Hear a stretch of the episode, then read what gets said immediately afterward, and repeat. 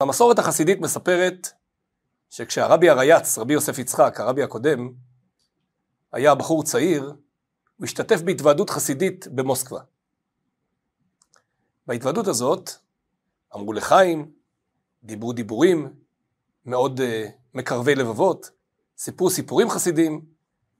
בשלב מסוים, איפשהו במהלך הלילה, נגמר הלחיים, נגמר המשקה. ובמוסקבה של אז, להשיג משקה באמצע הלילה, זה היה קריאת ים סוף. אבל הרבי הרייץ, בהיותו בחור, הוא התנדב, הוא אמר, אני יוצא החוצה, אני מקווה שאני אצליח להשיג בקבוק. וככה עובר ממקום למקום איפה שהיה, איפה שהוא שייך להשיג אה, בקבוק לחיים, והוא לא מוצא, פשוט אין. או שהמקומות היו סגורים, או שלא היה, ואפילו מה שנקרא מתחת השולחן, גם זה לא היה. ועד שהרבר ריאץ פוגש איזשהו שיכור, שנמצא באיזושהי פינת רחוב. ולשיכור הזה היו באמתחתו כמה בקבוקים. בקבוקים סגורים כמובן. נו, פונה אליו אה, הרבי הרייץ, אומר לו, אולי uh, תמכור לי איזה בקבוק? אז הוא מסרב. והרבי הרייץ מתחיל להעלות את המחיר מרובל אחד לשתיים, לשלוש, שזה כבר היה נחשב מחיר גדול. עד שהוא הגיע איתו לעשר רובל. עשר רובל באותה תקופה היה סכום עצום בשביל בקבוק משקה. ועדיין אותו שיכור מסרב למכור. הרבי הרייץ לבש מעיל מאוד מחמם. אז הוא הציע לשיכור הצעה שקשה לסרב לה. אם תסכים למכור לי את הבקבוק, אני אתן לך את המעיל שלי. ואז אומר השיכור הזה לרבי הרייץ, אומר לו, ילד, מה אתה לא מבין? אם אני אמכור לך את הבקבוק, יהיה לי, מה? עשר רובל? מעיל? זה מה שיהיה לי. לא יהיה לי בקבוק, אבל יהיה לי עשר רובל, או יהיה לי מעיל. אבל אם אני לא אמכור לך את הבקבוק ואני אשאיר אותו אצלי, כל מוסקבה היא שלי. אז כמובן שהסיפור הזה הוא קצת, אה, יש בו גם מימד של אה, צחוק, אבל יש בו גם מימד של רצינות.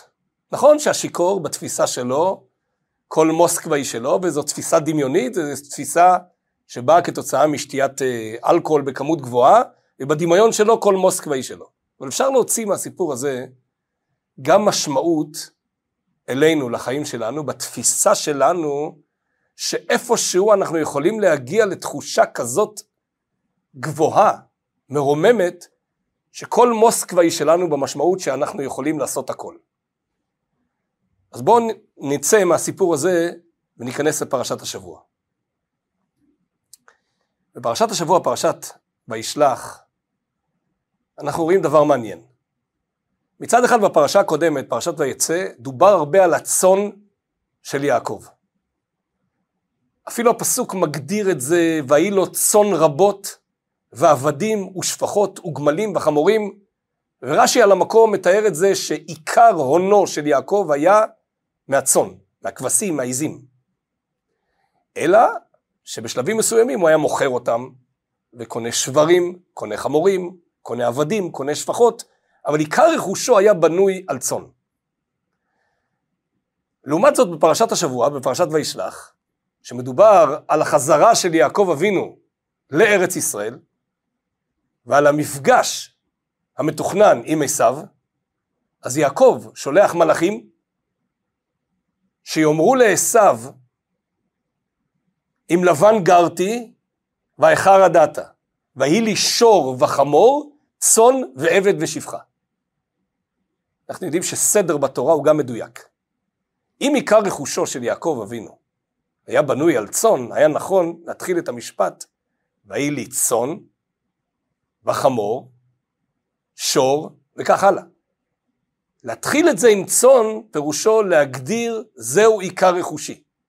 אחר כך יש דברים שמכרתי וקניתי באותו כסף דברים אחרים. אבל כאן יעקב אומר, ויהי לי שור וחמור, צאן ועבד ושפחה. הצאן ירד למקום השלישי, והשור, שהוא השולי לכאורה בנכסיו של יעקב, פתאום קפץ מדרגה, שודרג, ונהיה במקום הראשון.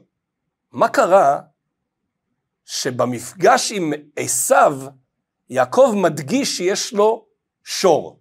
כמובן שלא מדובר על שור אחד, כי לשון רש"י אלא שברים. כמות של שברים. למה חשוב כל כך להדגיש את זה, ומה זה קשור למלחמה הכוללת בין יעקב לעשו, והעוד יותר כוללת בין שני החלקים בתוכנו, החלק של יעקב בתוכנו, והחלק של העשו בתוכנו, המלחמה בין הנפש האלוקית, נפש בעמית, ועל זה אנחנו נרחיב בשיעור הקרוב. אז בואו נתחיל עם השמות עשו ויעקב. ונלך חזרה ללידה שלהם שתוארה בפרשת תולדות.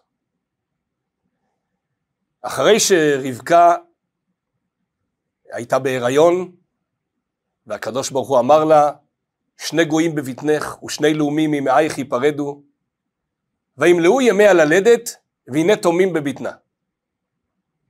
ויצא הראשון אדמוני כולו כאדרת שיער ויקראו שמו עשיו. ורש"י על המקום אומר כולם קראו לו עשיו. המילה עשיו מציינת, אם אנחנו מוסיפים ליוד, את המילה עשוי. הוא מוכן. הוא נולד עם רעמת שיער כל כך גדולה, כאחד שכבר מוכן, מוכן לקרב, אדמוני. הוא עשוי, הוא יודע, הוא יודע מה צריך לעשות, הוא במרכז העניינים, הוא לא סתם נולד בכור, כי הוא מייצג את העובדה שבאופן טבעי יש לו חוזק משלו, שבתפיסה שלו הוא במרכז העולם. עשוי. אין לו ממי ללמוד, אין לו ממי להתפעל, הוא לא מפחד מאף אחד, הוא לא צריך ללמוד מאף אחד, אין לו שום נקודה שהוא יכול לקחת מהשני, הוא בכלל לא בר שיח של אף אחד. הוא כובש את הכל. הוא צד נשים מיד בעליהן, הוא זה שמלסטם את הבריות, הוא זה שעושה מה שהוא רוצה, עשוי. מי זה יעקב? ואחרי כן יצא אחיו, וידו אוחזת בעקב עשיו, ויקרא שמו יעקב. היד של יעקב אוחזת בעקב של עשיו. יעקב לא עשוי, יעקב לא מחזיק מעצמו, יעקב הוא עניו, איש תם יושב אוהלים, הוא אפילו אוחז בעקב של עשיו, לומר אני לא אוחז לך בראש, אני אוחז לך רק בעקב. ועכשיו אנחנו רצים הלאה עם השנים, ופוגשים אותם כאנשים בוגרים. ויגדלו הנערים, ויהי עשיו איש יודע ציד איש שדה, ויעקב איש תם יושב אוהלים. ברור. אם כשנולדת, כולם קראו לך שאתה כבר עשוי, ואתה מרכז העולם, אז לא נשאר לך אלא להרוג אנשים. איש יודע ציד, איש שדה בכל המובנים, הוא גם צד אה, ציד במובן הפשוט, הוא גם כמו שאמרנו צד נשים מיד בעליהן, זה שאלות של עבודה זרה, גילוי עריות, שפיכות דמים, כל הדברים השליליים. אף אחד לא יכול לעצור אותו. מבחינתו הוא יכול לעשות הכל. כי כשאתה עשוי ואין לך ממי ללמוד, אין לך שום סיבה להשתפר. אין לך שום סיבה להתקדם בחיים, אתה מרכז החיים. מבחינתך כולם צריכים להסכים איתך למה שאתה אומר. יעקב איש תם יושב אוהלים, יושב בבית מדרש. תמיד יש לו לאן להתקדם, תמיד יש לו מה ללמוד. כמה שהוא צריך ללמוד מהאנשים הטובים. אבל הוא, שנולד אוחז בעקב עשיו, שנולד שני, יוד עקב, יעקב, יוד של שמו של הקדוש ברוך הוא, היא מתבטאת בעקב. אז אכן, אחרי כל הפרשה של לקיחת הברכות, יעקב בורח ומגיע ללבן הארמי, הוא עובד בחרן, עובד עם הצאן, ועיקר עבודתו היא בצאן. מה מסמל הצאן בעבודת השם של יעקב אבינו? זה לא סתם שהוא עובד בצאן, אלא הוא לוקח את התכונה של הכבשים והעזיים של הצאן ומאמץ אותה בעבודת השם שלו.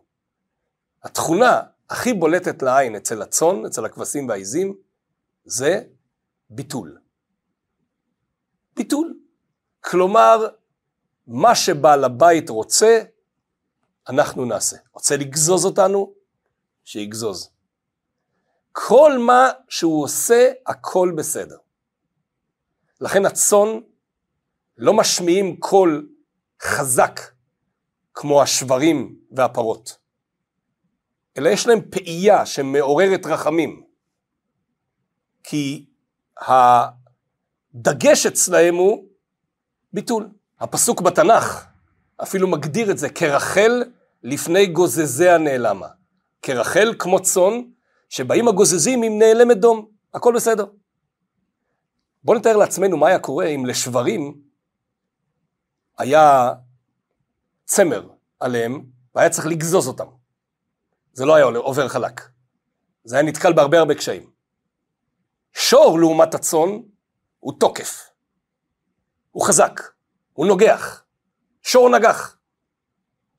והוא מסמל את ההפוך לגמרי מהצאן. אם הצאן מסמל ביטול וענווה, השור מסמל תקיפות ועמידה על העקרונות שלו, על הדברים שלו,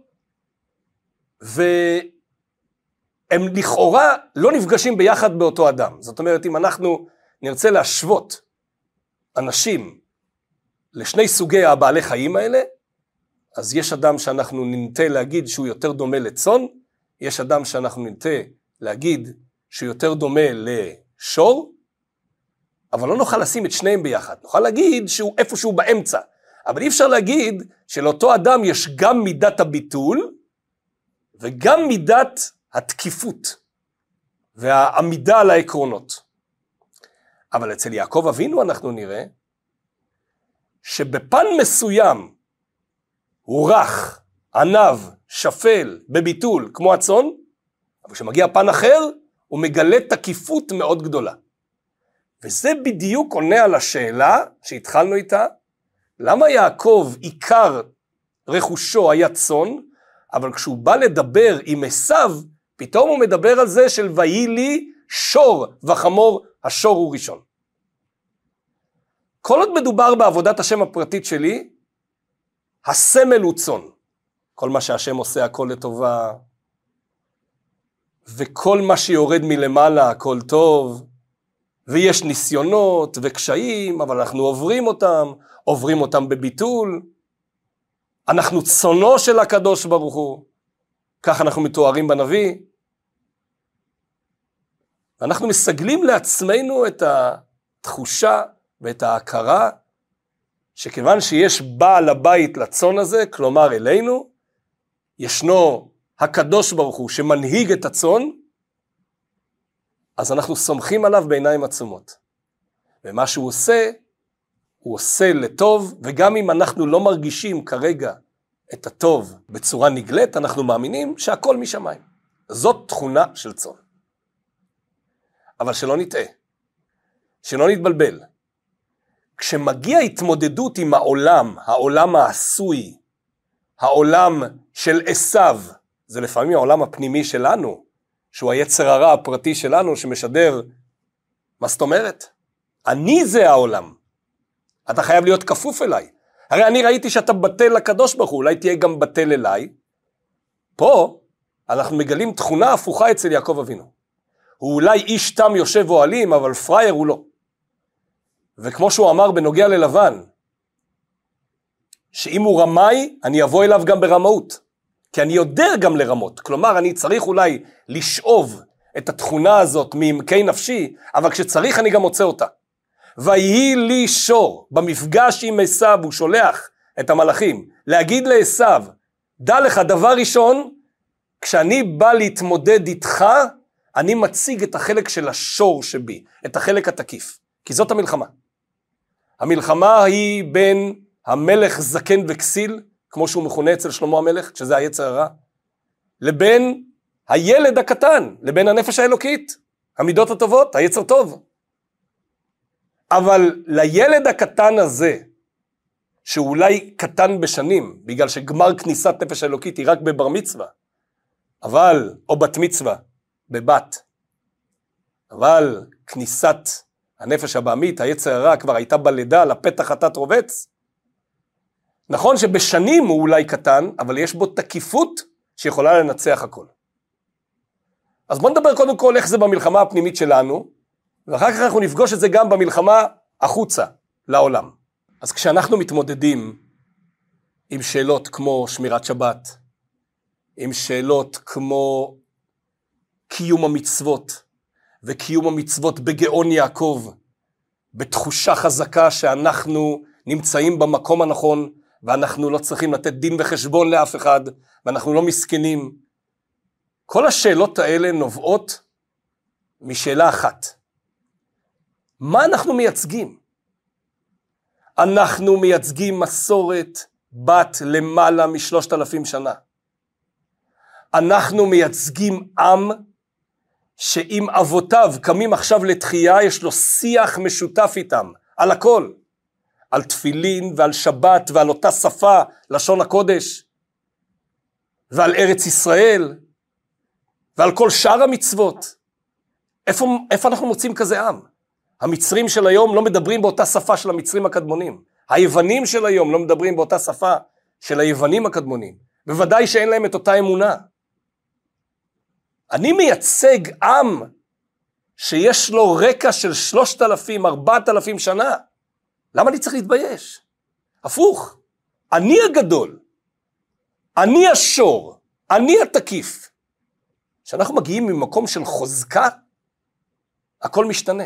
כשאתה מגיע ממקום של חלישות, מקום של ענווה, מקום של צאן, אז הצד השני דורך עליך, אפילו הצד השני הפנימי, הוא משתלט עליך מהר מאוד. אבל מה נגיד להוא, ומה נגיד להוא, ומה אם עם המודה הזאת והמודה הזאת, וזה לא מתאים לשמור שבת ככה בפרהסיה, וככה ללכת לבית כנסת? ואם זה מדובר על אה, רקעים אחרים, אז פתאום אתה מתחזק, פתאום אתה יותר לומד תורה, פתאום אתה אה, מקפיד על לבוש, פתאום אתה מקפיד על דיבור, על עשייה, על מחשבה נקייה. כן, נכון. למה? כי אני מייצג את הקדוש ברוך הוא בעולם. ויהי לי שור, אני לא מתבייש. כשהמרגלים הגיעו לארץ ישראל וריגלו את הארץ, אז אחרי שהם חזרו ונתנו דיווח למשה רבנו, הם אומרים פסוק, ונהי בעינינו כחגבים, וכן היינו בעיניהם. כשאתה מסתכל על עצמך כמו חגב, ככה גם אתה נתפס בחוץ. אתה מסתכל על עצמך כמו צאן, ככה גם הזולת תופס אותך. ואוי ואבוי, אם העשו הפנימי שלנו יתפוס אותנו כמו צאן. אז מיד הוא משתלט. זה התפקיד שלו, זאת השליחות שלו. לנסות אותנו עוד ועוד, להראות כמה הוא גדול, כמה הוא יודע, כמה הוא בומבסטי, ולגרום לנו להיכנע לעשוי, לגדול ולחזק יותר, על כל פנים איך שזה נתפס בחיצוניות. ואנחנו צריכים להגיד לא ולא. אנחנו השור, אנחנו האמת. לכן התחלנו בסיפור של אותו שיכור שאומר אם תיתן לי עשר רובל יהיה לי עשר רובל, או אם תיתן לי מעיל יהיה לי מעיל, אבל אם הבקבוק יישאר אצלי כל מוסקבה היא שלי. אז נכון, זה אולי מקרה חריג של תפיסה מעוותת בעקבות אלכוהול, נכון. אבל הרעיון הוא שהכל מתחיל ונגמר בתפיסה. ברגע שאני תופס את עצמי כחזק, כמשמעותי, כשור, כתקיף, אף אחד לא יכול לשנות לי את הדעה. כשמדובר על התמודדות מול העשו הפנימי או החיצוני, אני חייב לגלות את התוקף הזה של השור. אחרת זה בלתי אפשרי. כשמדובר על העבודת השם הפרטית שלי, צאן, ביטול. גם כשמדובר על יחסי אנוש, על יחסי זולת, על בין אדם לחברו, גם כאן צריך לגלות את הצאן. אבל בזמנים שבו ברור לנו שאנחנו צריכים לגלות את השור שבתוכנו, הוא קיים, שלא נטעה. נוציא אותו מהמגירה, נשלוף אותו מעמקי הנפש, ונדע לעשות בו שימוש נכון. וזאת המלחמה הכוללת. למעשה, הפרשה הזאת לא מדברת רק על סיפור מקומי של מה היה מול יעקב ועשו. זאת פרשה כוללנית שמדברת על כל היחס בין עם ישראל לבין כל הסובבים אותו, אפילו בתוכו, בתוך כל יהודי ויהודי, היחס בין הצד האלוקי לצד הבעמי. וכשיעקב אומר לעשו, בפרשת השבוע, ואני אתנהלה לי איתי לרגל המלאכה ולרגל הילדים, אז חז"ל אומרים שיעקב לא הוציא דבר שקר מפיו. יעקב מתכוון להגיד שכל עוד משיח לא מגיע, אנחנו ממשיכים להתמודד אני ואתה. רק שאנחנו נחליף שמות ווריאציות וצורות, זה לא יהיה יעקב הפיזי מול אחיו עשיו, יעקב יהיה כל יהודי, עשיו יהיה כל גוי, או כל הרגשה של גויות שנמצאת בתוכנו, וההתמודדות הזאת תמשיך עד ביאת משיח. בביאת משיח כתוב, עלו מושיעים בהר ציון לשפוט את עריסיו, והייתה להשם המלוכה, אז ייגמר התיקון. אבל כל עוד משיח לא הגיע, המלחמה הזאת ממשיכה. אז דיברנו איך המלחמה הזאת היא מלחמה פנימית. בואו נדבר גם על המלחמה הזאת, איך היא הופכת להיות מלחמה גם חיצונית. מול סביבה. אז כל מי שמתחיל לשמור תורה ומצוות, או מתחיל לעשות דברים שהם קצת מעל פני השטח, להתקדם, תמיד ייתקל באיזושהי התנגדות סמויה או גלויה. שיגידו לו, אה, מה אתה עכשיו נהיית לי פנאטי, ואתה עושה, ואתה ככה, ואתה ככה. אז מעשה ההתנגדות הזאת היא שאלה של הקדוש ברוך הוא, כמה אתה רציני, כמה אתה מוכן להשקיע, כמה אתה מוכן לגלות את השור שבתוכך ולצאת לקרב. ואם אתה מאמין בזה עד הסוף, אז אתה לא יכול להיות תמיד נחמד. שוב, לא מדובר על יחסי אדם מול חברו, אדם מול הזולת, שבזה צריך תמיד לעורר את מידת הרחמים, שהיא מידתו של יעקב אבינו. מדובר על סביבה שהיא סביבה שבאה להקטין אותנו, שבאה להכניס אותנו לתוך, חזרה לתוך, אה, איך אמרו אותם משכילים באירופה, אמרו, אה, הכלל שלהם אמר, אהיה יהודי בביתך ואדם בצאתך. כל היהדות שלך תשמור באיזה קופסה קטנה בתוך הבית. אבל בצאתך, אל תגלה את זה כלפי חוץ. אבל היהדות שלנו גורסת שיש גאון יעקב, וצריך לצאת עם זה החוצה, וצריך לכבוש עם הדבר הזה עוד ועוד ועוד. איך?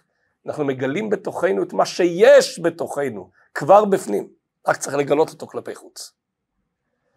וזה גם משפיע בכלל על הבית שלנו. לפעמים אנחנו נמצאים בדרגה או בחשיבה רוחנית יותר גבוהה, ואיפשהו הבית שלנו לא בא איתנו. הוא לא, הוא לא מסכים לדברים האלה, הוא לא מתקדם בצורה הזאת, לפעמים הוא גם מתנגד למה שאנחנו עושים. צריך ללכת פה בצורה זהירה, אבל מזה ומזה אל תנח ידיך.